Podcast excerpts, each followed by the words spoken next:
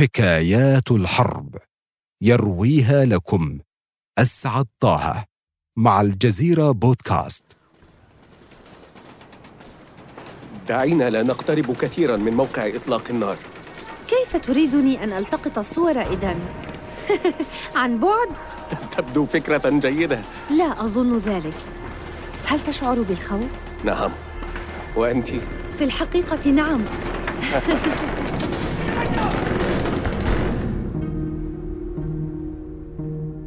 ربما لم تمر بكم هذه الحكاية من قبل. إليكم ما جرى.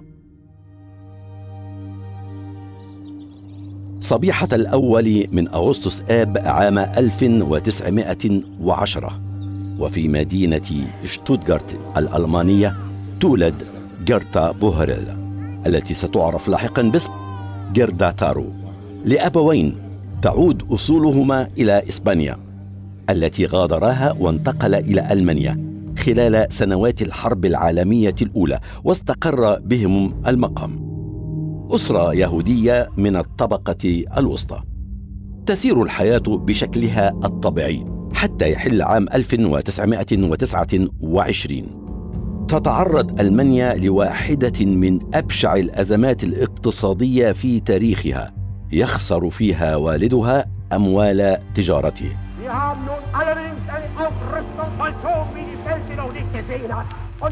يبدأ نجم أودولف هتلر في الصعود فيما جيرتا تكبر وتقرر الانضمام إلى حركة يسارية تعتقلها السلطات ثم تطلق سراحها يحل عام 1933 تقرر الهجرة.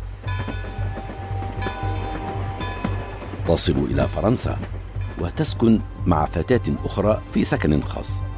وتبدأ رحلة البحث عن عمل وحياة جديدة. في باريس المثقلة بكثير من المهاجرين والأزمات الاقتصادية التي تطحن أوروبا قاطبة.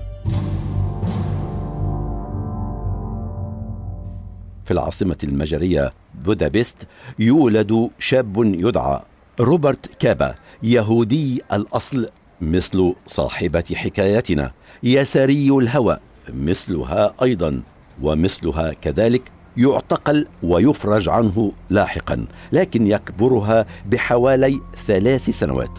يصل إلى ألمانيا في عام 1931 ليدرس العلوم السياسية.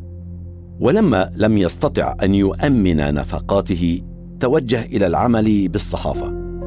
ولأنه لا يحسن اللغة بشكل جيد يقرر العمل في التصوير باعتباره الفرع الأقرب للصحافة. في عام 1932 يحصل على عرض كبير كمصور يلتقط صورا لمحاضرة للزعيم السوفيتي ليون تروتسكي في مدينة كوبنهاجن. تصبح إحدى صوره غلافا لإحدى المجلات الصحفية. يبدو أن مساره المهني على وشك التوهج لكن صعود هتلر إلى السلطة يدفعه إلى الهجرة هو الآخر إلى فرنسا.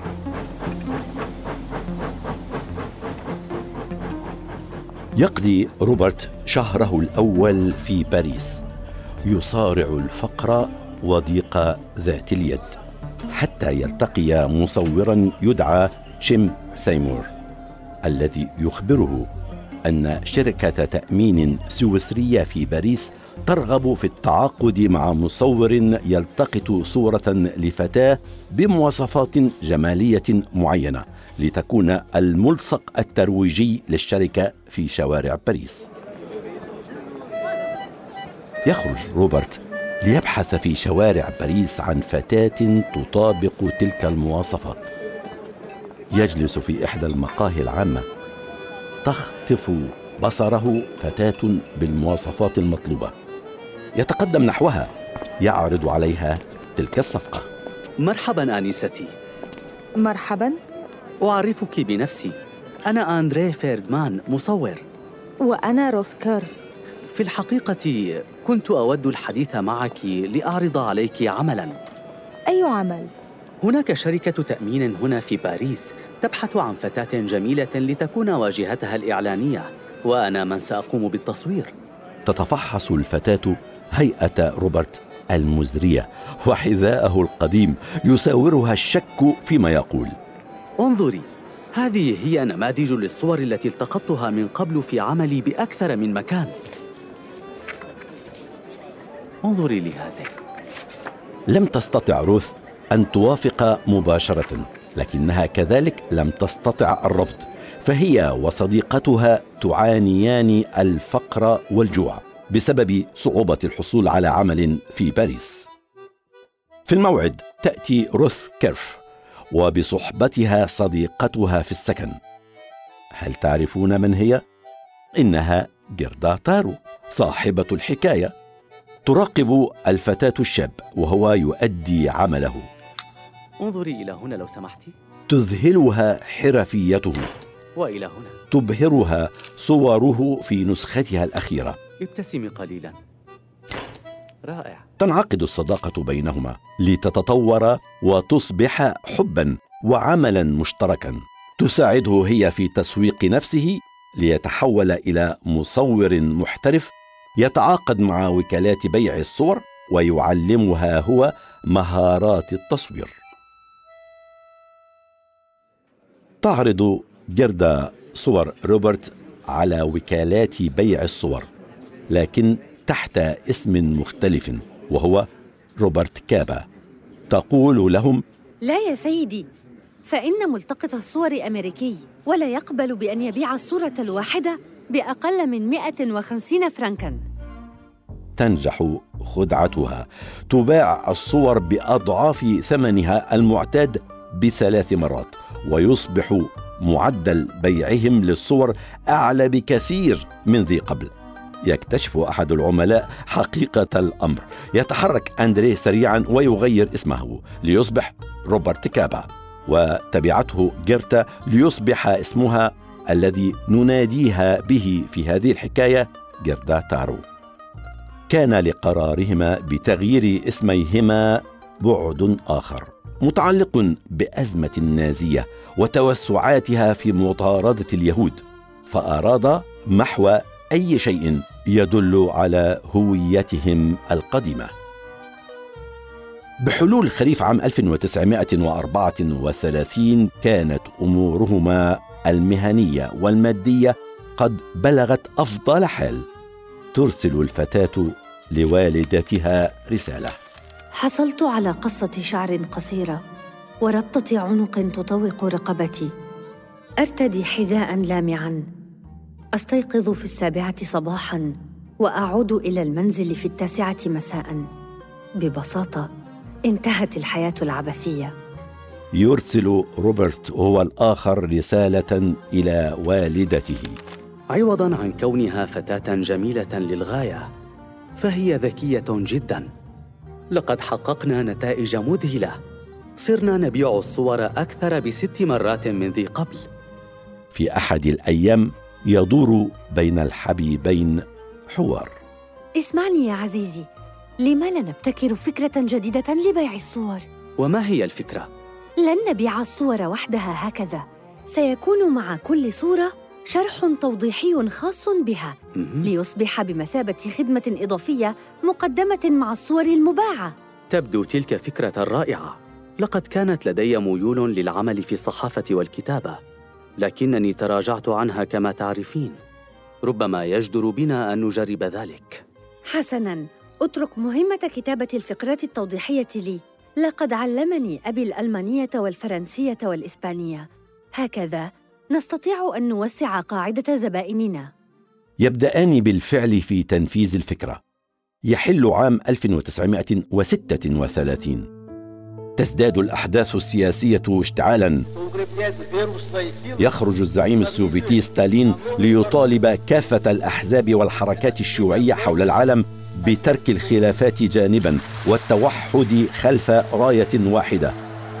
يستيقظ سكان باريس على مظاهرات الحركات الشيوعية تملأ شوارعها. يتلقى روبرت اتصالا من صديق مجري قديم يعمل مصورا في صحيفة الجبهة الشعبية التي تتبع حركة سياسية بنفس الاسم. يلتقي الصديقان. يتلقى روبرت عرضا بالعمل لصالح الجريدة كمصور لكافة الأحداث السياسية التي تعصف بالعاصمة الفرنسية. يتجول كابا كالقط داخل الأحياء الباريسية يصور كافة المظاهرات والاحتجاجات لكافة الأطياف الشيوعية والفاشية. تزداد الأحداث سخونة. الجميع مترقب ومتأهب في انتظار الثالث من مايو أيار يوم الانتخابات الذي سيحدد الحزب الحاكم. يفوز حزب الجبهة الشعبية بالانتخابات في فرنسا وكذلك إسبانيا. لكن الجيش في إسبانيا كان له رأي آخر. في السابع عشر من يوليو تموز من عام 1936 يتحرك الجنرال فرانكو من العاصمة الإسبانية مدريد إلى مدينة تطوان المغربية ومن هناك يعلن سيطرته على الجيش الإسباني المتواجد في المغرب والذي يشكل الجزء الأكبر من قوامه المغاربة. جندوا قصرا في الجيش الإسباني ثم يتحرك ليعلن سيطرته على جزر الكناري. لتكون الخطوة التالية هي التحرك نحو مدريد وخلع حكومة الجبهة الشعبية المنتخبة وإعلان الانقلاب والسيطرة على الأمور. في مدريد يعلن المؤيدون لحكومة مدريد التمرد ضد انقلاب فرانكو. على الجميع الخروج لحماية الجمهورية. العمال الفلاحون كارهو الفاشية الأبطال الأسبان حاربوا الفاشية العسكرية للدفاع عن حرية الشعب وإنجازه الديمقراطي لتحيا الجبهة الشعبية لتحيا الجمهورية الأسبانية. لن ينجح الفاشيون لن ينجح الفاشيون. الخطاب الذي ألقته المسؤولة في الحزب الشيوعي عبر الإذاعة في برشلونة وسمعه تقريبا كافة المواطنين كان بمثابة إشارة لبدء الحرب الأهلية ضد التواجد العسكري لفرانكو وإعلان التمرد. يخرج الجميع في شوارع برشلونة يقطعون خطوط الترام وكابلات الهاتف تغلق المتاجر والأسواق تطلى عربات الترام باللون الأسود.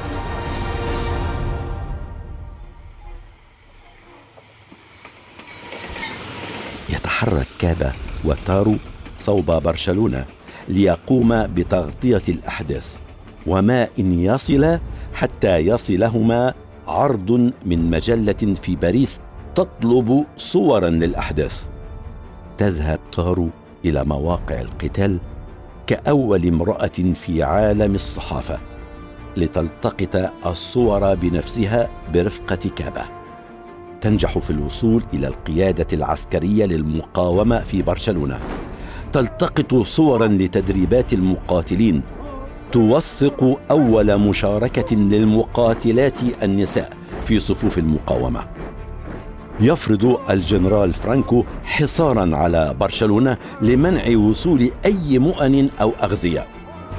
لكن برشلونة ترفض الاستسلام. صبيحة الخامس من سبتمبر أيلول من عام 1936 يتحرك جنود الجنرال فرانكو نحو قرية سيرو مريانو يلتقط كابا وتارو صور أهالي القرية المؤلمة وهم يفرون من جحيم القتال يسجلان بعدسات الكاميرا النساء وهن يحملن أطفالهن ويحاولن العثور على ملجأ آمن أو مهرب للاحتماء تتحرك طائرات ألمانية بأوامر من هتلر. لدعم الجنرال فرانكو عسكريا ولتحتد المواجهات. يسافر كابا سريعا إلى باريس لتجديد تعاقده مع المجلات هناك. أما تارو فهي في مدينة فالنسيا. تشهد أول هجوم عسكري على المدينة وتصور الجرحى داخل المشفى وتشهد الهجوم بنفسها ثم ترسل الصور في تلغراف إلى كابا في باريس. في الخامس والعشرين من يوليو تموز لعام 1937 تتحرك تارو نحو مدينة برونيت لتصور القتال العنيف هناك برفقة مصور زميل يدعى آلان. دعينا لا نقترب كثيرا من موقع إطلاق النار. كيف تريدني أن ألتقط الصور إذن؟ عن بعد؟ تبدو فكرة جيدة. لا أظن ذلك. هل تشعر بالخوف؟ نعم. وأنت؟ في الحقيقة نعم. يضحك كلاهما. يشتد القتال والقصف بشكل مفاجئ. يسقط عدد من المقاتلين على يد القناصة. تصبح تارو وزميلها في خطر محدق. تظل ممسكة بالكاميرا. تلتقط مزيدا من الصور. ينجحان في الاختباء خلف ساتر. يلطخان نفسيهما بالطين. يتخيران نقطة هروب وينطلقان جريا منها. تركب تارو في سيارة برفقة زميلها. يتحرك السائق بهما. تارو تحتفل بسعادة بأن لديها صورا هامة توثق الأحداث لكن القدر كانت يده أسرع. تتحرك دبابة فجأة نحو السيارة. تدهسها. تسقط جردا تارو قتيلة. لتصبح أول صحفية مصورة في التاريخ تقتلها الحرب داخل الميدان.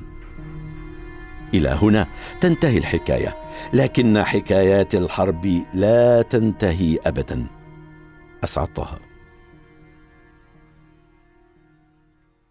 استمعوا إلى بودكاست حكايات الحرب عبر أبل بودكاست وجوجل بودكاست وساوند كلاود. فقط ابحثوا عن الجزيرة بودكاست وشاركوا الحلقة مع أصدقائكم.